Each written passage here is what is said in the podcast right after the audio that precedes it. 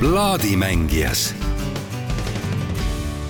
üks nädal on taas mööda saanud, mis tähendab, et esmaspäev ringiga tagasi ja oleme Psühhotegi plaadipoes ja plaadipoe omanik Ahto Külvet on meile taas välja otsinud ühe põneva, põneva plaadi. tere, Ahto! tere ja nii tore, et tulite ja see on üks tõesti üks põnev plaat. Mm, mina ise arvan, et see on üks Eesti kõige parem või parimaid folklauluplaate üldse ja sellel on, järjest tuleb erinevaid nagu tasemeid juurde, et see plaat on ilmunud aastal kuuskümmend üheksa. See plaat on ilmunud aastal kuuskümmend üheksa Kanadas. See plaat on ilmunud aastal kuuskümmend üheksa Kanadas ja on üks neist vähestest plaatidest, mis ka väljaspool Eestit on üldse kedagi huvitab. et sellest on tehtud kahe tuhande neljateistkümnendal aastal Jaapanis äh, CD ja eelmise aasta lõpus, kusjuures nüüd tehti sellest uus press äh, Inglismaal. Ja sihuke kuulus ajakiri nagu Mojo on, äh, kes lausa võttis vaevaks seda ära mainida ja kirjutada sellest, et see lõpuks ometi on selle repress väljas ja noh, selline huvitav ajalugu ja noh, kui teda võrrelda natukene, ta on, ta on väga-väga eestilik, siin on naine ja kitarr, laulavad niimoodi ja võib-olla esma, esmamulje on selline natuke tuim ja igav, aga kui sa suudad ennast välja mõelda sellest nagu Eesti kontekstist ja seda keelt hakata kuulama nagu teistmoodi, siis ta avaneb sulle hoopis muud moodi. et siis ma saan aru, et miks jaapanlastele see näiteks nagu korda läheb. ja natuke meenutab sellist nagu Vashti Bunyan oli Inglismaal selline sarnane natukene folklauljanna, kitarr ja, ja, ja, ja laul, eks ju. ja kes samamoodi, et ta tegi plaadi, kadus ära kuskile mitmekümneks aastaks siis inimesed hakkasid avastama ja väga-väga sarnane kusjuures nagu selle keelet, et natukene isegi arusaadav, et see Vashti Bunyan oleks võinud olla Reet Hendrikson ja Reet Hendrikson oleks võinud olla Vashti Bunyan. et võib-olla natukene see on see koht, kus ta oleks võinud saada võib-olla isegi maailmakuulsaks nagu, mitte nii, et noh, ükskord avastatakse see plaat. kes oli Reet Hendrikson üldse? kui ma ei eksi, ta sündis vist aastal nelikümmend neli ehk siis vanematega koos põgenes Nõukogude okupatsiooni eest, sündinud Pärnus kasvanud Uppsalas, õppinud USA-s loodusteadust, salvestanud Kanadas Eesti parima folkloorplaadi ja mitte rohkem seda plaati ka teinud, muusikat teinud niimoodi.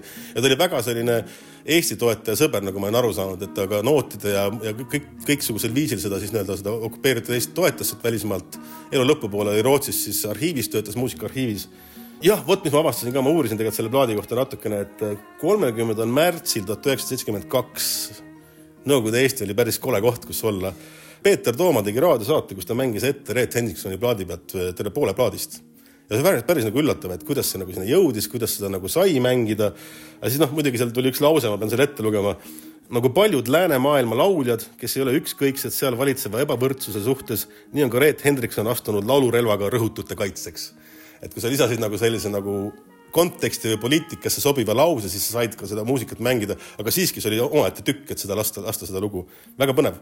et see, et noh, ühesõnaga seitsmekümne teisel aastal juba sa võisid Eesti raadiost kasvõi kogemata või meelega kuulda, kuulda seda kuuekümne üheksandal aastal Kanadas salvestatud nagu Eesti folkloorplaati. päris uskumatu see plaat, nagu sa ütlesid, anti välja tuhande üheksasaja kuuekümne üheksandal aastal Kanadas, sellest ma saan veel aru.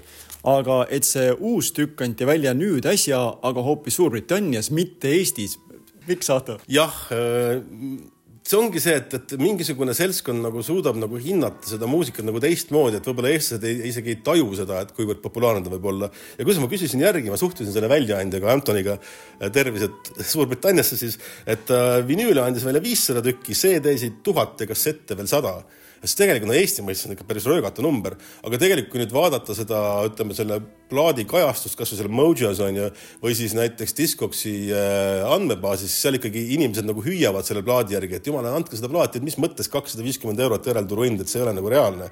et tegelikult seda plaati oli vaja.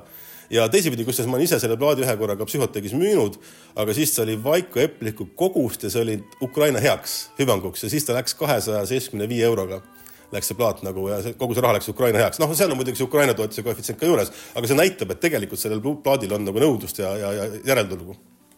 ja kõik lood eranditult on siin ju nii-öelda Eesti rahvaviisid, Eesti rahvalaulud. kõik on Eesti rahvaviisid, kõik on eesti keeles, kõik on kitarriga, kõik on üks Eesti naine laulab neid ja kõik on tegelikult väga hinge ja sügavusse minev no ilmselt sellele küsimusele on raske nagu vastata, võib-olla õiget vastust ei ole, aga kui võtaks ükskõik kes teine Eesti naismuusikutest hetkel kitarri, laulaks uuesti kõik need laulud plaadi peale samamoodi sisse, kas sellel plaadil oleks siis turgu? ma ei oska öelda folkmuusika, ma ei ole nii kodus selles, aga ma kujutan, et näiteks kas, ega see ei pea kitarr olema, onju. et Mari Kalkun näiteks teeks Reeda plaadi aga miks mitte. ja ma arvan, et Mari Kalkunil on see säde või see, see, see asi olemas täpselt nagu Reedal, et ta ja samamoodi nagu muuseas see Jaapani case on ju et Mari Kalkun nagu Jaapani austajannad, et seal on mingisugune see Eesti äh, rahvalaulu, eesti keele, eesti rütmi asi, mis nagu köidab teatud riikides hoolimata sellest, et kas sa laulad, mis keeles sa laulad ja mis, mis ajal see plaat salvestatud on ja veel üks oluline asi oli ka, et tegelikult Kanadasse salvestati, seal oli selline hästi oluline tegelane nagu Andres Raudsepp, kelle korterisse siis salvestati, kellel oli see Reindeer Records oli see plaadifirma nimi. tema kahjuks seda, selle plaadi uuspressi enam ei näinud, et ta eelmise aasta lõpus lahkus, aga noh, teda ka mälestatakse selle plaadi ümbruse peal kui sellist olulist inimest, kes siis Kanadas Eesti muusikat lükkas. suurepärane, kuulame, aitäh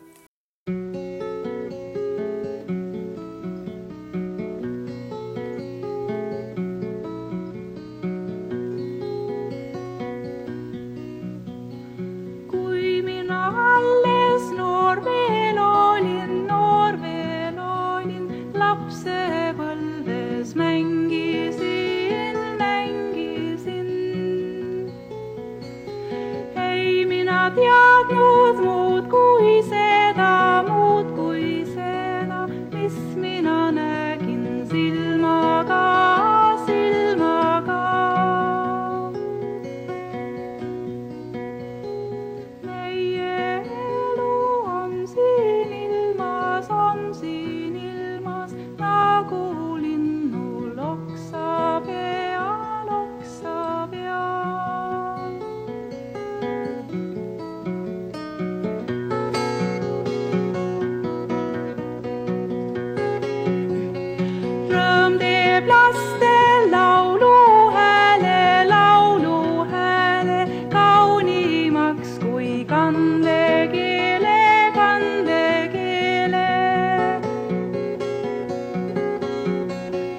Leitame.